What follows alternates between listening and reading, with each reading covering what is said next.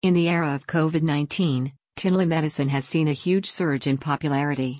With people confined indoors and skeptical about visiting hospitals, patients and doctors are increasingly turning to telemedicine.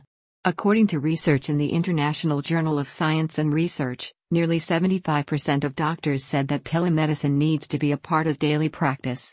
Almost 80% also said that it's ideal for follow up patients. A driving factor for this popularity is the ability for